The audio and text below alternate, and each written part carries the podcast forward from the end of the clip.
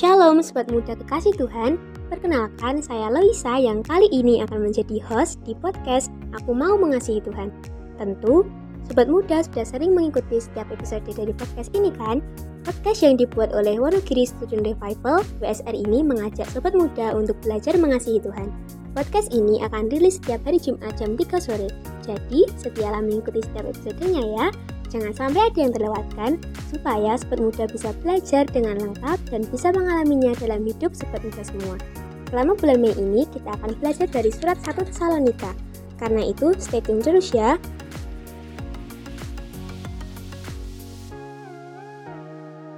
Sobat Muda, podcast kali ini merupakan episode terakhir dari rangkaian tema Belajar dari Kitab 1 Tesalonika. Setelah minggu kemarin kita belajar bersama Mbak Arum terkait nasihat hidup kudus, maka kali ini kita akan belajar bersama terkait kedatangan Kristus yang kedua bersama Mas Kevas. Halo Mas Kevas, bagaimana kabarnya? Halo Loisa.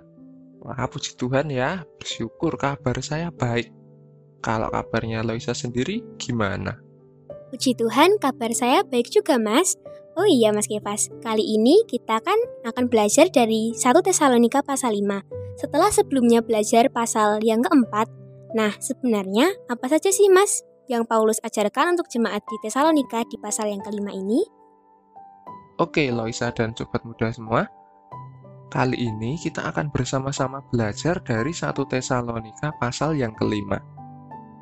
Nah, di pasal yang kelima ini tuh eh, Paulus melanjutkan kembali penjelasannya di pasal yang keempat. Di mana di pasal yang keempat sebelumnya itu eh, Paulus itu sudah sedikit menyinggung gitu terkait kedatangan Kristus yang kedua. Nah, kemudian dilanjutkanlah di pasal yang kelima ini. Nah, untuk pembahasannya eh, sesuai kayak perikop yang dibuat LAI aja ya. Gitu. Yang pertama atau perikop pertama itu dari ayat 1 sampai 11. Di mana 1 di ayat 1 sampai 2 itu Paulus menjelaskan bahwa kedatangan Tuhan atau Kristus yang kedua itu yang gak ada yang tahu kapan waktunya. Ya, Paulus ibaratkan tuh seperti pencuri pada waktu malam.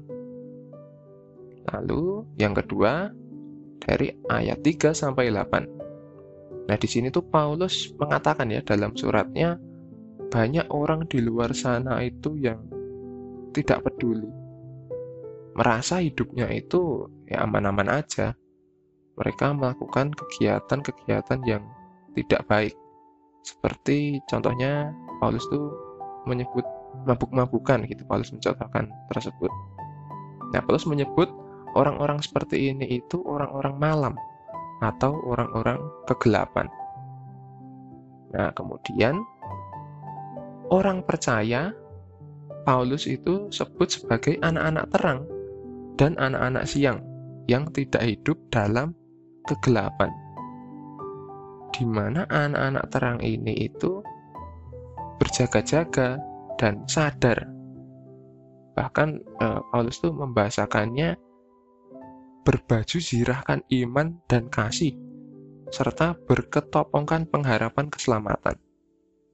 Nah, berbaju zirahkan berketopongkan ini ya berarti bisa dikatakan mengenakan atau memakai hal tersebut Hal tersebut ya iman, kasih, pengharapan keselamatan tadi dalam menanti-nanti harinya Tuhan.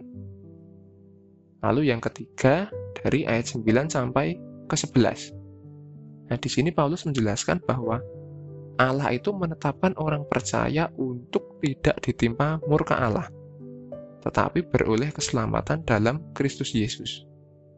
Nah, maka dari itu, kita harus saling menasehati untuk saling membangun. Nah, di situ Paulus e, mengatakan ya mungkin bisa untuk bersekutu, hidup kudus, dan lain-lain. Lalu perikop kedua yaitu dari ayat 12 sampai 22. Ya ayat-ayat ini tuh berisi banyak nasihat-nasihat Paulus terkait bagaimana kita itu harus hidup seperti satu, menghormati orang tua rohani kita atau pemimpin rohani kita hidup dalam damai seorang dengan yang lain. Lalu Yang kedua, menegur orang yang hidupnya nggak benar. Menghibur orang yang takut. Membela orang yang lemah. Dan sabar kepada semua orang. Lalu yang ketiga, tidak membalas kejahatan dengan kejahatan, tetapi usahakan dengan senantiasa itu uh, perbuatan yang baik. Lalu yang keempat, bersuka cita senantiasa. Tetap berdoa. Ya, tetap berdoa itu ya tidak jemu-jemu untuk berdoa. Lalu mengucap syukur dalam segala hal. Nah, ingat ya, dalam segala hal. Jadi bukan cuma pas baik-baiknya aja mengucap syukurnya itu. Karena itulah yang Tuhan kehendaki. Lalu yang kelima, tidak memadamkan roh. Maksudnya memadamkan roh itu tidak meminta supaya dipenuhi dan dikuasai roh kudus. Jadi ya harus meminta supaya dipenuhi dan dikuasai roh kudus. Lalu yang keenam itu tidak menganggap enteng nubuat-nubuat. Lalu yang ketujuh menguji apa pun segala sesuatu yang kita dapat dan memegang yang baik. Dan yang kedelapan menjauhkan diri dari segala kejahatan. Nah, di perikop yang ketiga atau perikop yang terakhir mulai dari ayat 23 sampai 28 di mana Paulus mendoakan agar Allah damai sejahtera itu yang menguduskan jemaat Tesalonika seluruhnya, mulai dari roh, jiwa, tubuh, itu supaya tidak bercacat hingga kedatangan Kristus yang kedua.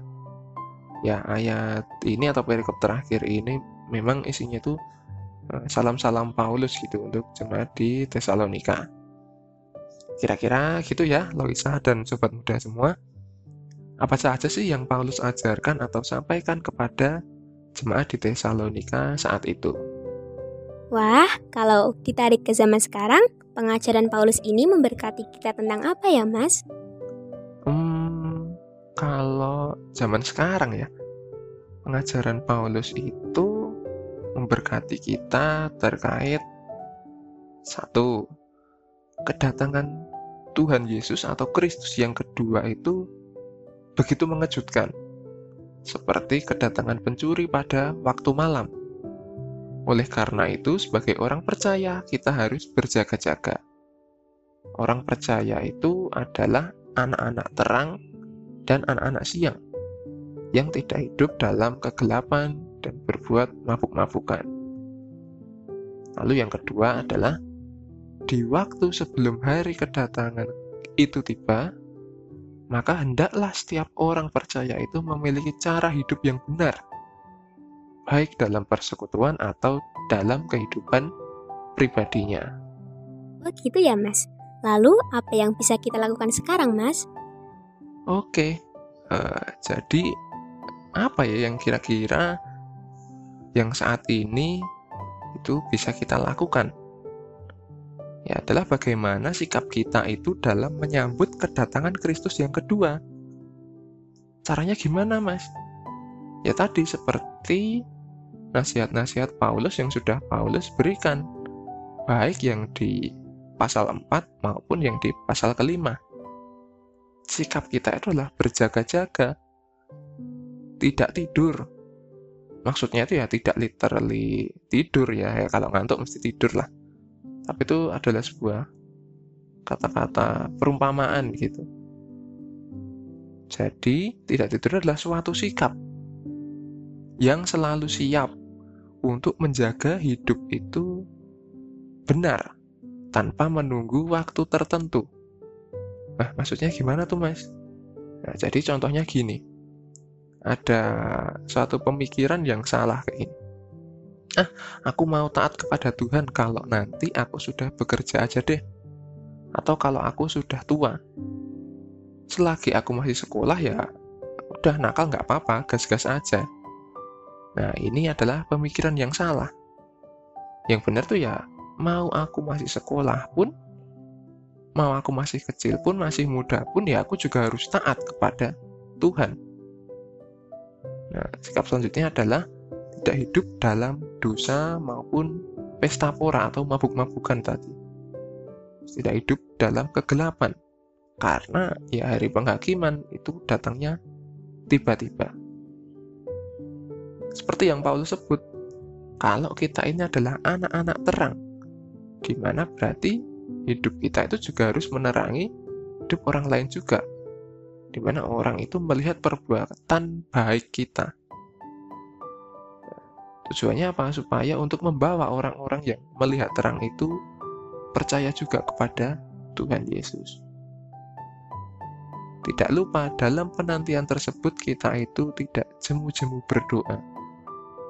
Mengucap syukur dalam segala hal.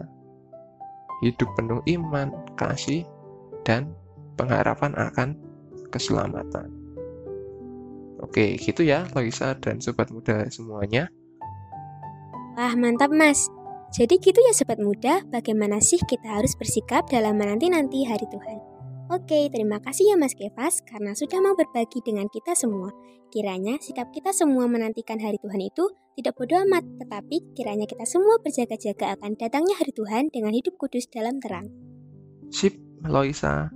Saya juga berterima kasih ya untuk Loisa yang sudah menjadi host pada podcast kali ini dan sobat muda semuanya yang sudah mendengarkan podcast kita kali ini. Semoga kita bisa ketemu lagi ya lain waktu Tuhan memberkati Loisa dan sobat muda semuanya. Dadah, sampai jumpa.